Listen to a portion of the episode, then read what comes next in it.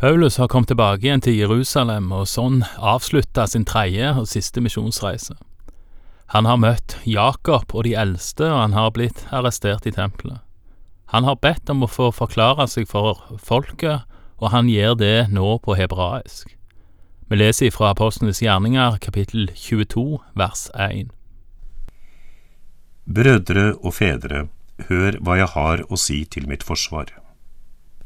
Da de hørte at han talte på hebraisk, ble det enda stillere. Han fortsatte.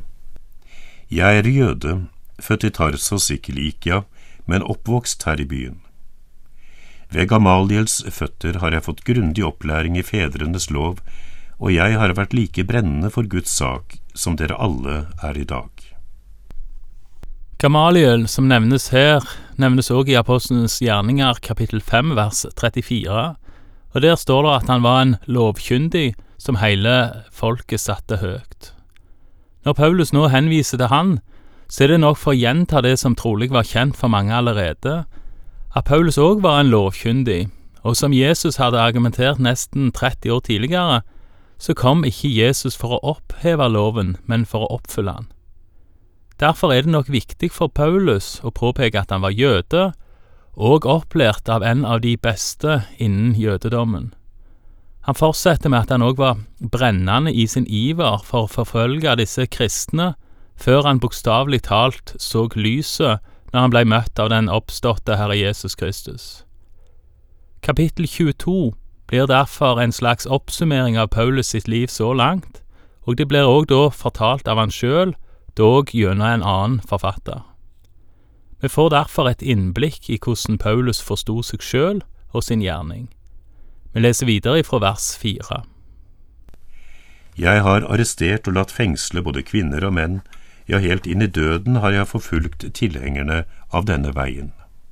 Det kan både øverstepresten og hele rådet bekrefte. De ga meg brev til våre brødre i Damaskus, og jeg reiste dit for å legge også dem som var der i lenker og føre dem til Jerusalem for å få dem straffet. Men da jeg var underveis og nærmet meg Damaskus ved middagstid, strålte det plutselig opp et lys fra himmelen rundt meg. Jeg falt til jorden og hørte en stemme si til meg, Saul, Saul, hvorfor forfølger du meg? Jeg spurte, Hvem er du, Herre? Da sa han til meg, Jeg er Jesus fra Nasaret, han som du forfølger. Denne siste setningen ifra Jesus som vi har vært borti før, er det verdt å stanse opp ved igjen, tenker jeg. Jesus påstår her, i alle fall ifølge apostlenes gjerninger sin forfatter, at Paulus forfølger Jesus sjøl. Det kan virke noe rart, siden Jesus var dratt opp til himmelen, men på den andre sida så passer det veldig bra med det Jesus sjøl sier i Matteus 25 når han snakker om dommen. Der sier han nemlig at både det gode en gjør mot en av hans etterfølgere, eller det Jesus kaller for sine minste, det gjør en òg mot han. Det gjelder det gode en gjør, men det gjelder òg det gode en ikke gjør. Og det ser òg her ut til å gjelde det onde en gjør, altså at det Paulus her forfølger noen av Jesu disipler. Jesu ord i Matteus 28 om at han lover å være med alle dager, passer òg godt inn i denne historien til Paulus. Jesus var med de kristne i Damaskus. Ja, han var så til de grader med de at han anklager Paulus for å forfølge seg sjøl, og ikke bare de kristne. Vi leser videre fra vers 9. De som var sammen med meg, så lyset, men hørte ikke stemmen som talte til meg. Hva skal jeg gjøre, Herre? spurte jeg, og Herren sa til meg, Reis deg opp og gå inn i Damaskus. Der skal du få beskjed om alt du er utsett til å gjøre. På grunn av det blendende lyset kunne jeg ikke se, men de som var med meg, leide meg videre, så jeg kom til Damaskus. Igjen så står det at de som var med Paulus, hadde sett det samme lyset, men at de ikke hadde hørt noen stemme. De som var med Paulus, var trolig andre som mente det samme som han, og som da var med for å forfølge disse kristne eller de som fulgte denne veien, som det står. Noe må òg ha skjedd med de, for ellers hadde de vel kanskje ikke hjulpet Paulus. Jeg tror de òg kunne ha vitna mot Paulus dersom de ikke var enige i den fortellingen som han fortalte. Dette beviser jo selvfølgelig ingenting, men for min del så styrker det i alle fall troverdigheten til de historiene som vi her leser. Vi leser videre fra vers tolv. Der var det en gudfryktig og lovtro mann, Ananias, som alle jødene på stedet hadde bare godt å si om. Han kom og stilte seg foran meg og sa, Saul, bror, bli seende. I samme stund kunne jeg se ham. Han sa til meg, Våre fedres Gud har bestemt deg til å kjenne Hans vilje, til å se den rettferdige og til å høre Hans egen røst. For du skal være Hans vitne for alle mennesker om det du har sett og hørt. Så hvorfor nøler du nå? Kom og la deg døpe og få syndene vasket bort mens du påkaller Hans navn. Da jeg hadde vendt tilbake til Jerusalem og ba i tempelet, kom jeg i ekstase. Jeg så Herren, og han sa til meg, Skynd deg, dra ut av Jerusalem så fort du kan, for de kommer ikke til å ta imot ditt vitnesbyrd om meg. Men jeg sa til ham, Herre, de vet jo selv at jeg rundt om i synagogene fikk kastet dem som trodde på deg i fengsel, og lot dem piske og da blodet rant fra Stefanus ditt vitne, var jeg selv til stede.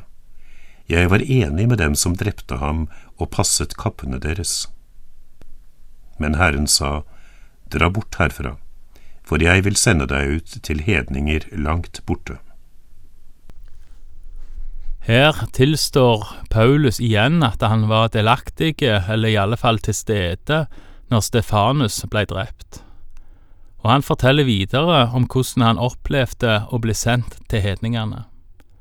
Vi skal lese at eh, disse uttalelsene ikke falt i god jord hos tilhørerne. Vi leser nå ifra vers 22. Så langt hørte de på ham, men så begynte de å rope, Få ham bort fra jordens overflate, en slik mann bør ikke få leve. De skrek og veivet med kappene og kastet støv opp i luften. Da befalte kommandanten at han skulle føres inn i borgen, og at han skulle forhøres under pisking, så de kunne få vite grunnen til at de skrek slik mot ham. Forhør under pisking må regnes som tortur, og det er ikke lovlig i de aller fleste land. Og det er nok ikke så veldig nyttig heller, i alle fall ikke om det er sannheten en er ute etter. De fleste av oss vil nok trolig tilstå hva som helst for å få slutt på torturen. Men kanskje var det godt nok. Hvis en fikk slått ut en tilståelse av noen, så var det kanskje godt nok, om ikke rettferdig. Men Paulus, han var romersk borger, og det ga han ekstra rettigheter. Det var kanskje heller ikke rettferdig, men det var sånn lovene var. Vi leser videre fra vers 25. Men da de spente ham fast for å piske ham, spurte Paulus offiseren som var til stede, har dere lov til å piske en romersk borger før han har fått en dom? Da offiseren hørte det, gikk han til kommandanten og sa, Hva er det du finner på, denne mannen er jo romersk borger. Kommandanten gikk da selv til Paulus og sa, Si meg, er du romersk borger? Ja, svarte han. Kommandanten sa, det kostet meg mange penger å få den borgerretten. Jeg er født til min, svarte Paulus. De som skulle forhøre ham, trakk seg da raskt unna. Også kommandanten ble redd da han forsto at han hadde lagt en romersk borger i lenker. Kommandanten hadde kjøpt sin borgerrett, mens Paulus var privilegert, og han var født inn i sin. Paulus hadde fått den gratis, med andre ord. Uansett hva kommandanten måtte mene om det, så ble han redd, og de som hadde tenkt å forhøre Paulus under tortur, trakk seg unna. Det var altså andre regler som gjaldt for romerske borgere.